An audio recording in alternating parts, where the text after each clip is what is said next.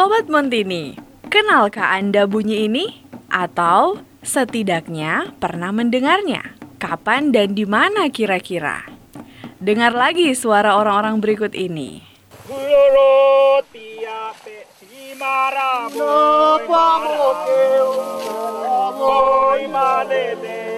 Apalagi itu, sekelompok orang dewasa menyanyikan lagu mirip Maengket. Sepertinya saling berbalas pantun.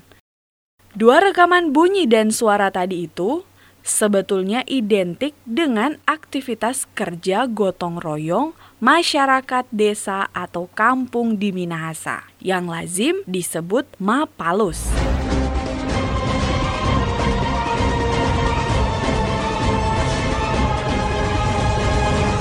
Bersama saya Ika Francisca, inilah acara Sorot Montini, menyorot berbagai hal dari pribadi, sikap, gaya hidup, dan peristiwa. Menyatukannya menjadi sebuah fakta kehidupan yang layak diperbincangkan dan dikomentari. Sobat Montini, Sorot Montini edisi kali ini, kami beri topik Mapalus.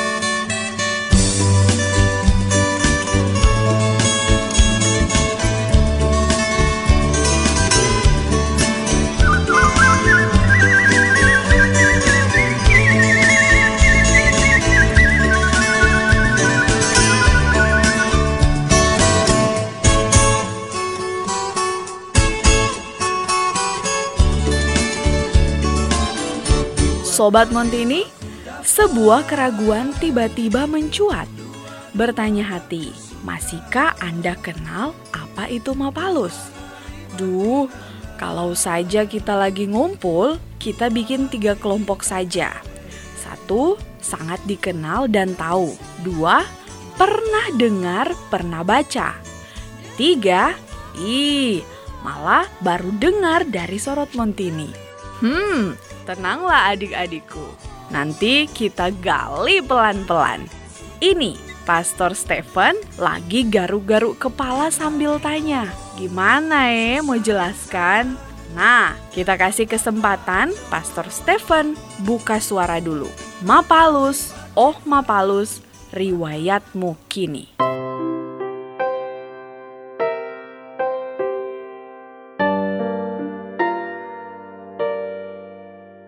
Sobat Montini, pernahkah Anda membayangkan seandainya terdampar di satu pulau, sendirian, tanpa teman? Oh, bukan main betapa susahnya. Bicara sendiri, berjuang sendiri, makan sendiri, semuanya sendiri. Kalau semua dilakukan sendiri, sulit bukan? Ya, karena memang Anda dan saya itu makhluk sosial, makhluk yang pada hakikatnya terarah kepada orang lain. Sobat Montini, pernahkah Anda bayangkan kalau tidak ada satu orang lain pun yang menolong ketika kita lahir, membantu ketika masih bayi tak berdaya? Mengajar ketika masih anak kecil polos tak tahu apa-apa.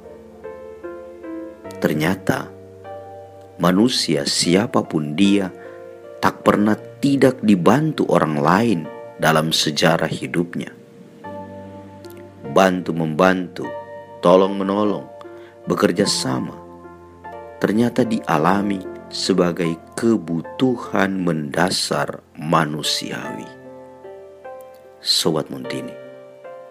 Budaya Mapalus adalah satu warisan adat istiadat kita yang sudah dipraktekkan sejak dulu kala. Saling bantu mengolah kebun, saling bantu membangun rumah, saling bantu menggelar pesta, saling bantu berhadapan dengan peristiwa duka. Inilah kearifan lokal yang diwariskan turun-temurun yang perlu kita jaga dan lestarikan. Sobat Montini, mari bergotong royong, mari bermapalus, mari bekerja sama demi kesejahteraan kita semua.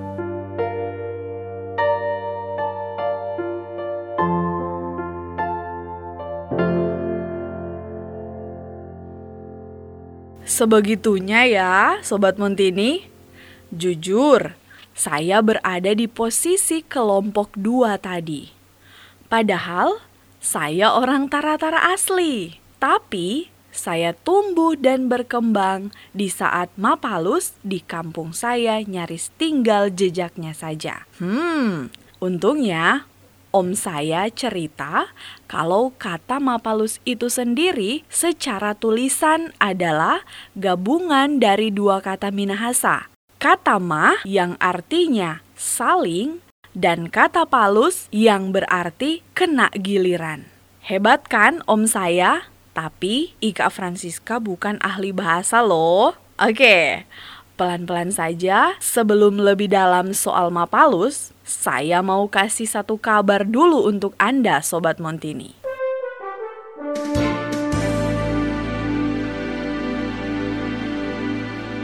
Sobat Montini, CU Credit Union sebagai lembaga keuangan yang bergerak di bidang simpan pinjam dalam sistem kooperasi mengadakan rapat anggota tahunan atau RAT sebagai hajatan besar bagi setiap anggotanya.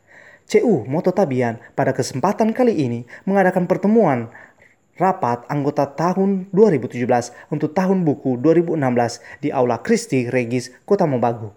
Rapat anggota tahunan ini diawali dengan perayaan Ekaristi yang dipimpin oleh Pastor Kanisius Rumondor MSC. Seusai perayaan Ekaristi dilanjutkan dengan kegiatan rapat anggota tahunan yang dipimpin oleh Ketua CU Moto Tabian yakni Insinyur Luki S. Musung. Di dalam rapat ini dibahas mengenai visi, misi, moto, laporan kemajuan anggota, laporan arus kas, dan perkembangan lainnya yang berkenaan dengan kemajuan CU Mototabian sendiri. Sebelum RAT atau rapat tahunan ini diadakan pertemuan prarat di masing-masing kantor yakni di kantor cabang Tompasok Baru, kantor cabang Bitung, dan kantor pusat Kota Mobagu. Lewat kegiatan ini dan kegiatan-kegiatan yang diadakan sebelumnya menunjukkan bahwa gerakan kredit union sungguh-sungguh dapat menjadi sarana untuk mempersatukan manusia dari pelbagai kalangan tanpa memandang latar belakang budaya, agama, dan suku. Orang-orang yang bersekutu atau union dan saling percaya atau kredit dengan semangat saya susah Anda bantu, Anda susah saya bantu. Sungguh-sungguh menjadi kekuatan yang mampu mempengaruhi perubahan sosial. Laporan ini disusun oleh Romansa. Saya Rika.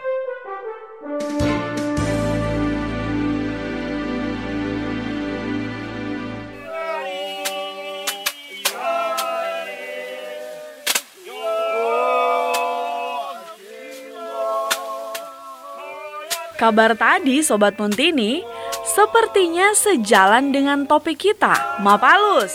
Good. Nah, masih menurut om saya itu.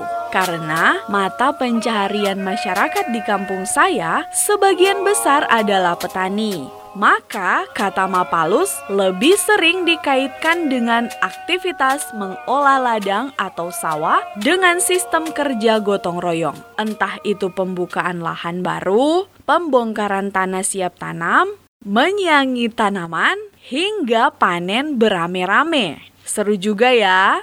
Tapi sebetulnya gaya kerja gotong royong juga dipakai pada aktivitas lain, semacam kerja bakti bersih-bersih kampung, rumah ibadat, bikin rumah, dan lain-lain. Wah, panjang juga saya mengurainya. Bagaimana kalau kita simak dulu kemasan bincang-bincang rekan romansa berikut ini? Ya, satu kesempatan yang sangat luar biasa pada saat ini, Sobat Montini, karena kita berhasil menghubungi Ibu Dr. Heni Pratikno. Beliau adalah ahli dalam bidang antropologi. Nah, pada tahun 2014, tepatnya 21 Agustus, beliau sempat uh, menorehkan penelitian dalam bidang antropologi, juga, khususnya yang berkaitan dengan tema Sorot Montini kita pada edisi ke-13 ini yakni tentang budaya Mapalus. Nah, tema yang disoroti sempat disoroti oleh Ibu Dr. Heni Pratikno yakni nilai budaya Mapalus dalam pembentukan karakter bangsa. Ini merupakan satu sumbangan penelitian pada Puslitbang Kemendikbud Republik Indonesia. Nah, Ibu Heni, uh, dengan banyak pergelutannya dalam penelitian, studi dalam bidang antropologi, tentunya ada banyak hal yang bisa dibagikan bagi Sobat Montini. Yeah. Tapi kita mulai dengan yang paling mendasar, yakni hmm. mungkin ada Sobat Montini yang bertanya-tanya dalam hati, apa sih sebenarnya budaya Mapalus itu? Apakah hanya sekedar kebersamaan, kekeluargaan atau gotong royong atau apa? Pertama-tama kalau terang bicara tentang Mapalus, itu sebenarnya adalah satu sistem kerjasama di kalangan masyarakat suku Minahasa. Iya. Ada banyak tempat, ada banyak tempat dengan istilah yang berbeda. Tapi karena kita bicara tentang Mapalus, maka eh, tempatnya itu adalah di Minahasa. Nah, secara historis kultural, ketika kita bicara Mapalus, di situ sebenarnya adalah bentuk gotong royong tradisional dalam bidang pertanian. Jadi kalau dulu seperti itu, tapi seiring dengan perkembangan terjadi pergeseran bentuk aktivitas. Jadi bukan sekedar pertanian, tapi mencakup peringatan yang berhubungan dengan life cycle, yang intinya adalah membantu meringankan, meringankan beban pada aspek ekonomi maupun aspek sosial. Seperti itu. Iya. Iya, jadi kalau boleh saya gariskan kembali ya, pada awalnya memang hanya dimengerti sebagai bentuk kerjasama yang memang secara lebih spesifik berkaitan uh, dalam bidang pertanian, tapi ini uh -uh. sudah uh, sempat uh -uh. sampai menyeluruh ya Ibu Heni, iya, sudah. Uh -uh. Uh, siklus hidup manusia juga uh -uh. sosial, ekonomi yang iya. luar biasa ya Ibu Heni. Uh -huh. Nah, tentunya sejauh ini juga Sobat Montini uh, bertanya-tanya juga Lantas apa sebenarnya manfaat yang paling mendasar dari budaya Mapalus itu bagi kehidupan kita terlebih khusus ya masyarakat yang hidup di bumi Nyur Melamba ini di tanah Minahasa ini? Oke, okay. uh, eh, sebenarnya dalam Mapalus itu ada prinsip-prinsip yang uh, perlu dirasa, dirasa oleh anggota. Iya. Anggota Mapalus. Pertama adalah membantu sesama anggota kelompok dengan prinsip timbal balik. Ya. Kedua, setiap anggota mempunyai hak dan kewajiban yang sama. Jadi itu ada kelompok. Kelompok itu eh, prinsip dalam kelompok itu saling membantu. Kemudian di situ ada ada sistem apa ya hak dan tanggung jawab. Iya. Hak dan kewajiban. Kemudian eh, prinsip-prinsip bergiliran dengan skala prioritas. Kemudian di situ ada punishment dan reward. Jadi iya. kalau ketika kita bicara tentang prinsip-prinsip dalam Mapalus, maka di situ sebenarnya melekat apa yang namanya eh, setiap anggota punya punya kebutuhan kebutuhan yang ingin diringankan. Kembali saya ingin eh, mengatakan seperti ini. Dahulu, jadi eh, kembali historis kultural, ketika kita bicara Mapalus, maka itu berkaitan dengan aktivitas pertanian dulu ya, mau membuka hutan eh, atau pekerjaan-pekerjaan sifatnya berat yang perlu uh, apa pengerahan tenaga lebih. Iya, gitu. Uh -uh. Iya. Jadi ya kita bisa menemukan bahwa ya uh, ada hubungan timbal balik, ya ada ke, kebutuhan ya saling memenuhi kebutuhan yeah. mengenai hak dan kewajiban. Uh -uh. Nah, tentunya juga uh, dalam kehidupan praktek sehari-hari ya kita tidak bisa lepas dari akan kebutuhan untuk kebutuhan hidup. Bahkan bukan hmm. hanya uh, skala prioritas dalam bidang pertanian, tapi uh, kebutuhan kita kental akan kebutuhan ekonomi, sosial. Mm -hmm. Jadi sangat diperlukan ya ternyata ini Ibu Heni yeah. mengenai uh, budaya Mapalus ini. Nah selanjutnya Ibu Heni, uh, kalau mau dilihat dengan perkembangan kemajuan teknologi, uh, imitasi dari budaya-budaya luar, uh, sinkretisme budaya sehingga uh, kadang ya mendobrak Eh, kebudayaan-kebudayaan lama yang tentunya sangat berarti ya bagi peradaban kehidupan masyarakat Minahasa tentunya di Sulawesi Utara. Iya. Nah, mengapa eh, sejauh ya, sejauh pengamatan saya dan tentunya beberapa sobat Montini yang sempat berujar, eh, kayaknya budaya Mapalus ini perlahan mulai hilang. Ya itu kenapa ya alasannya bisa seperti itu ya Ibu Oke. Heni? Pertama ya, pertama orang Minahasa itu mau praktis, Iya, ya. Jadi ukuran untuk tenaga, pengerahan tenaga diukur dengan uang sekarang. Tapi di beberapa tempat, misalnya di Taratara, saya melakukan penelitian ini di daerah Taratara itu masih ada, masih kental. Ya. iya, Di desa Taratara, di beberapa eh, desa di daerah Minahasa Selatan juga itu masih ada. Tapi memang perlahan tapi pasti dalam aktivitas pertanian dia meredup. Tapi, tapi eh, saya ingin katakan bahwa untuk aktivitas bentuk aktivitas yang lain dia, dia itu masih tetap ada. Saya ambil contoh seperti ini ya. iya, Sekarang orang mau bikin pagar, mau bikin rumah, eh, mau baptis anak, mau kasih kawin anak, ya. Prinsip-prinsip Mapalus itu masih ada. Bahkan kita di kampus ya, iya. ada teman meni- eh, anaknya menikah. Kita tanya, ini perlu apa? Babi putar, satu ekor, tulis nama. Padahal Iya. eh, kita modern ya, orang orang kampus itu modern. Tapi ternyata ketika kita berhadapan dengan masalah kebutuhan, ternyata eh, apa ya prinsip-prinsip mau mendapat bantuan itu ada dan kita juga ingin memberikan bantuan dengan satu harapan bahwa ketika kita akan eh, menghadapi hal yang sama mereka akan membalas gitu. iya, Eh, tadi tadi kan dikatakan bahwa mulai menghilang. Tadi saya katakan oke memang mulai menghilang, tapi dia bergeser, bergeser ke masalah ekonomi ya, sosial dan ekonomi. Nah, sekarang mungkin saya ingin tambahkan, iya, Ibu. jangan sampai itu hilang. iya, Karena ketika kita bicara nilai Mapalus, maka nilai Mapalus itu sangat kental dengan pendidikan karakter bangsa. Siapa kira-kira yang paling bertanggung jawab ketika budaya Mapalus ini mulai menghilang dalam aktivitas pertanian? Pertama tentu adalah pemerintah. Pemerintah itu adalah agent agen formal yang punya tanggung jawab untuk melestarikan nilai budaya yang berkembang dalam masyarakat.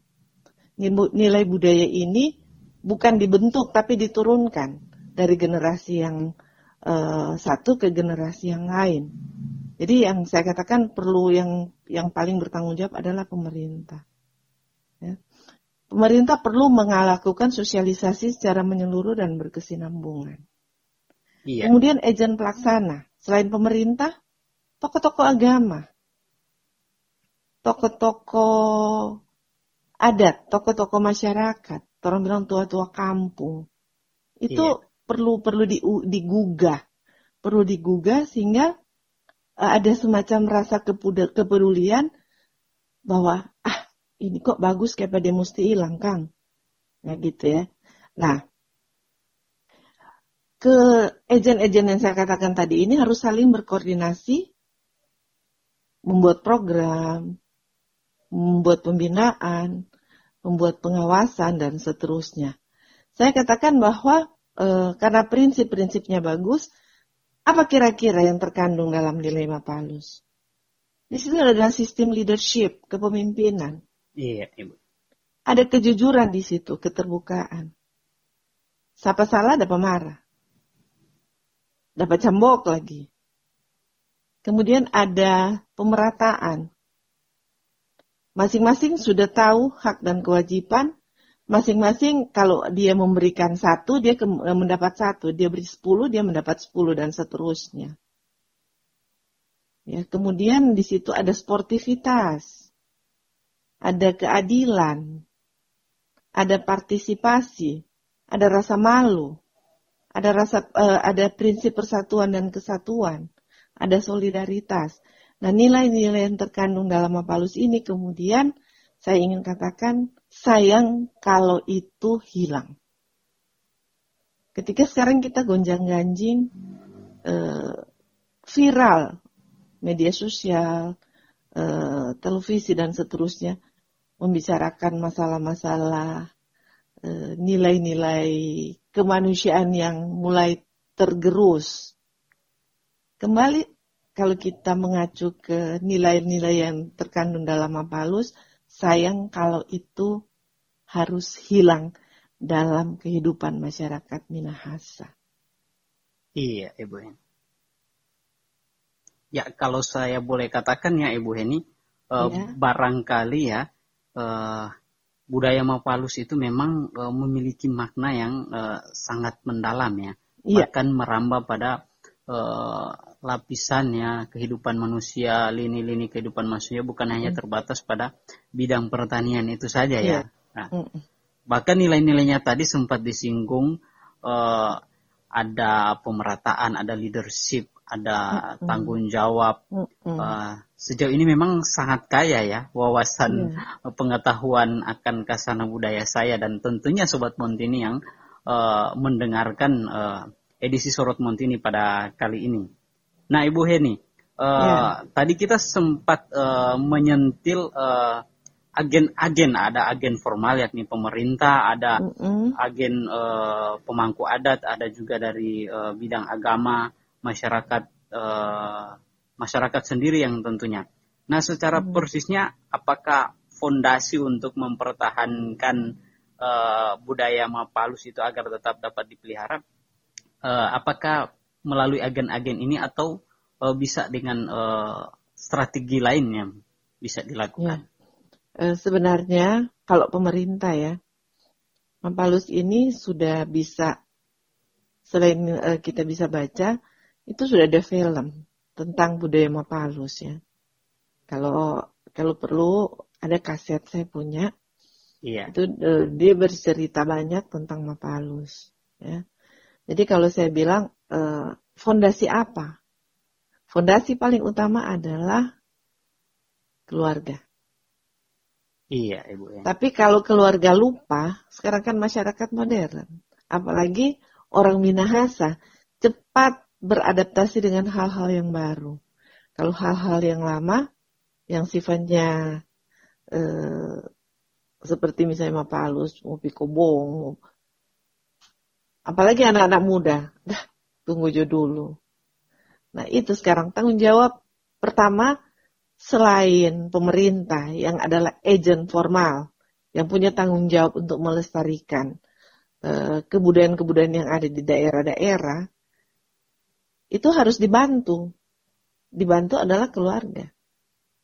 Kemudian pemerintah itu perlu mengajak, tadi saya katakan, perlu mengajak institusi yang lain.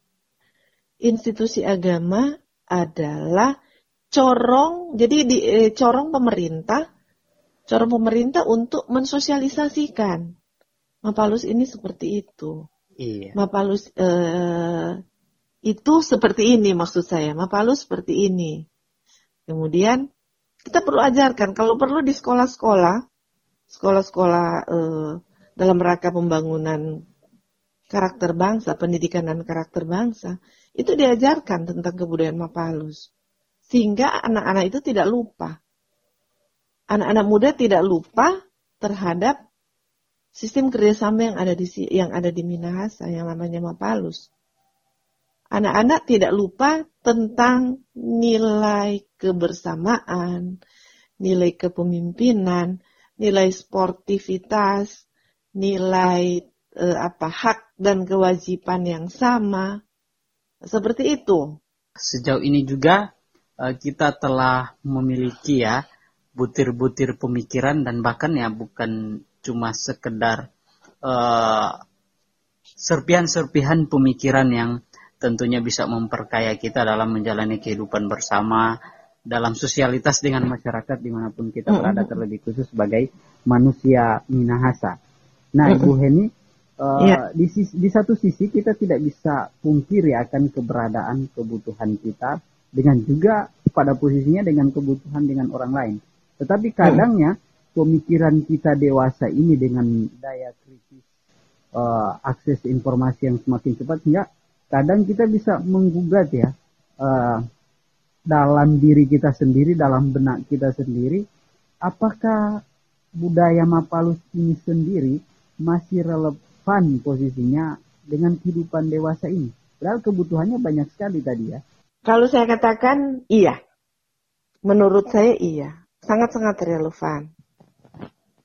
Tadi saya eh, pada saya kasih contoh tadi bahwa kita di kampus ada teman anaknya menikah.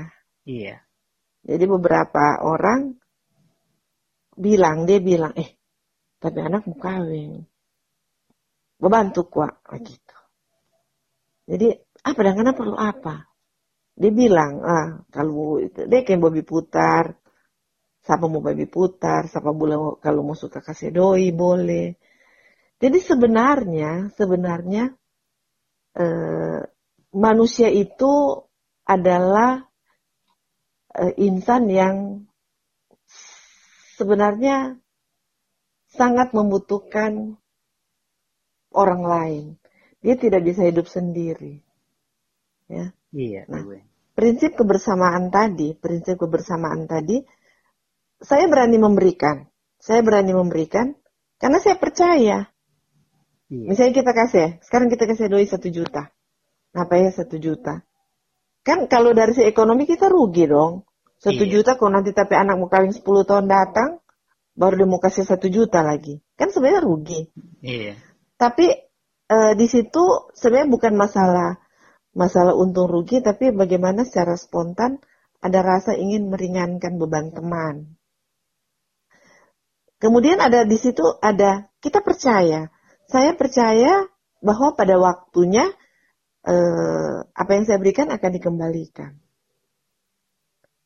Kemudian saya percaya ketika dia tidak mengembalikan pasti di situ ada rasa rasa malu, malu kalau tak nak saya pulang gitu. Apalagi dalam di kalangan orang Minahasa ya, itu masih melekat. Kalau orang kalau kalau saya membantu orang lain, sekali waktu saya ataupun anak cucu saya akan dibantu eh, sama seperti saya membantu orang lain. Jadi sebenarnya prinsip-prinsip manusia yang sebenarnya insan yang tidak bisa hidup sendiri, insan yang selalu ingin ada kebersamaan, sangat cocok dengan prinsip-prinsip Mapalus. Jadi prinsip Mapalus itu tidak boleh, Mapalus itu tidak boleh tidak boleh hilang. Kalaupun dewasa ini dia pada beberapa tempat sudah tidak ada lagi, tapi kemudian terjadi pergeseran karena itu, karena kebutuhan. Jadi ya eh, sesuai dengan apa yang telah dituturkan oleh Ibu Eni tadi, eh, kita, saya dan sobat Muntini semuanya tentunya sejauh ini memiliki pemahaman yang integral dan menyadari eh, akan nilai-nilai ya yang penting dari budaya Mopalus itu sendiri. Nah, eh, tentunya kita jangan ya sekali-sekali untuk mengambil langkah berani untuk menanamkan dalam benak diri ya bahwa budaya Mapalus ini belum tentu relevan, tetapi ternyata budaya Mapalus ini selalu relevan dalam kehidupan eh, praksis kita. Sangat relevan. Iya, sangat relevan. Ya, terima kasih Ibu Heni atas eh, sumbangan pemikiran yang berharga bagi eh, Sobat Montini sekalian dalam edisi Sorot Montini yang ke-13 ini tentang budaya Mapalus. Terima, Terima kasih sama-sama. Sukses juga untuk Montini.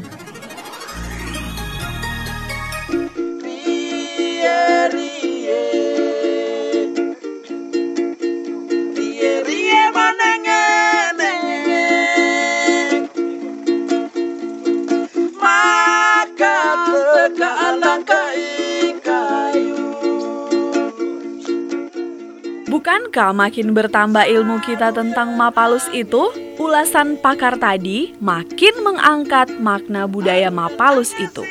Salut!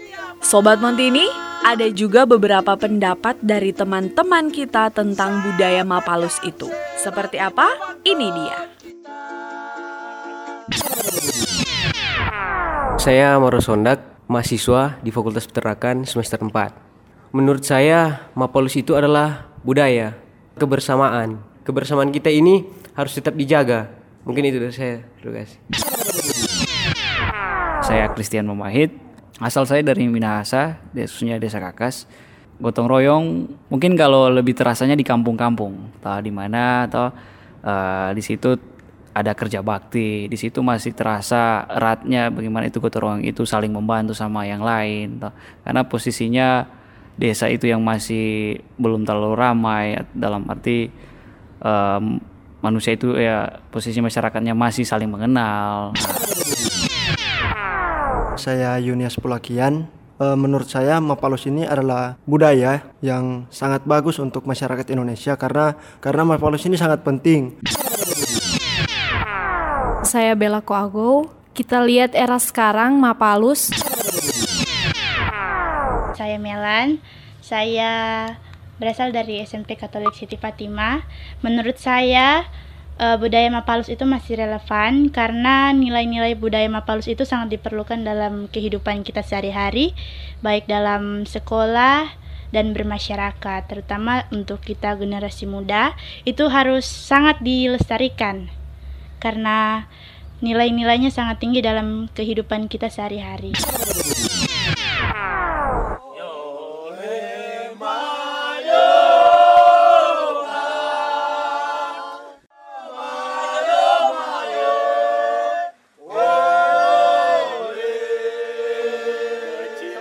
Pendapat Anda sendiri bagaimana? Saya sendiri kagum dengan budaya Mapalus itu.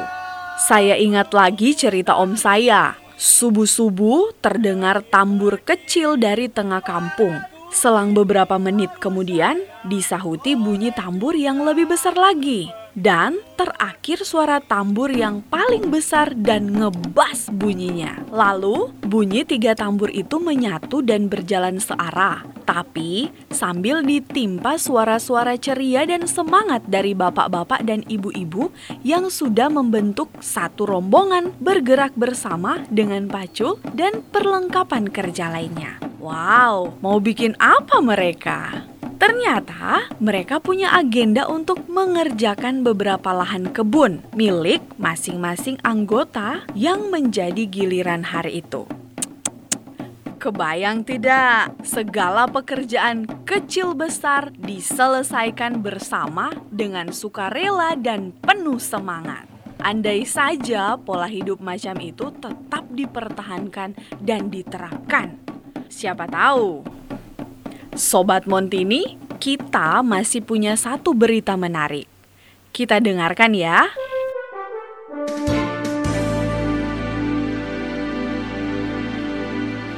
Sobat Montini, pada Selasa 6 Juni 2017, Ormas Adat Minahasa yang tergabung dalam Sulut Siaga Bersatu menyambangi markas Kodim 1309 Manado untuk menyerahkan hasil rekomendasi diskusi terbuka Organisasi Masyarakat Sulawesi Utara yang dilaksanakan pada 31 Mei 2017 lalu. Rekomendasi tersebut langsung diserahkan kepada Dandim 1309 Manado, Letkol Armtoarpio, SIP MSI. Di dalamnya tertuang beberapa poin, di antaranya mendukung terciptanya rasa aman dan damai di Sulut, seminar untuk diaktifkan secara tegas peraturan tamu wajib lapor 1 kali 24 jam, membantu dengan aktif dalam pengawasan di lingkungan, Sulut harus bersih dari organisasi-organisasi intoleran, organisasi masyarakat di Sulawesi Utara harus dilibatkan secara aktif dalam Kamtipmas, bermitra dengan pemerintah, TNI, dan Polri. Sulut Siaga Bersatu siap bermitra dengan aparat di Sulut, serta kegiatan-kegiatan kerjasama dalam pengamanan. Sehubungan dengan rekomendasi tersebut, Letkol Armtoar Pio pun mengajak ormas yang ada agar bersatu padu dalam menjaga keutuhan NKRI, khususnya di Sulut dan Manado, agar terhindar dari perpecahan. Toar mengajak rekan-rekan yang tergabung dalam Ormas agar berperan aktif sebagai pemberi informasi kepada TNI Polri apabila ada kelompok radikal yang masuk di wilayah Sulut, khususnya kota Manado, dan lebih peka terhadap perkembangan situasi saat ini. Dia juga menekankan agar dapat menciptakan rasa aman dan damai di Sulut sebagai tanggung jawab masing-masing pihak. Laporan ini disusun oleh Richard. Saya William Suntama melaporkan untuk Radio Montini 106 FM.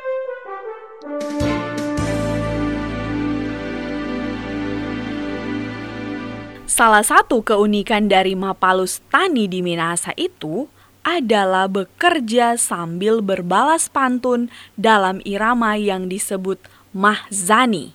Konon, mahzani inilah cikal bakal tarian maengket yang terkenal itu. Mungkin bagian ini akan kita bahas dalam topik sorot Montini yang lain. Maunya diulas tuntas juga sih, tapi waktunya tidak memungkinkan. Sobat Montini, kita sudah berada di penghujung acara ini. Jadi, seperti itu rupanya budaya Mapalus itu ya. Sayang kalau dihilangkan. Sekian dulu Sorot Montini edisi kali ini. Semoga bermanfaat dan menginspirasi. Demikian acara Sorot Montini edisi ke-13. Hari ini Sabtu 10 Juni 2017. Naskah Didi, komentator Pastor Stephen Lalu PR, pembawa acara Ika Francisca, teknik dan montase Didi Alberto, tim redaksi Romansa, Ricard, William Suntama, Vincent, Gusti Abo, produser pelaksana Lexi Mangundap, penanggung jawab produksi Pastor Stephen Lalu PR. Acara ini diproduksi oleh Radio Montini 106 FM. Sampai jumpa minggu depan. Salam cinta sesama, cinta semesta.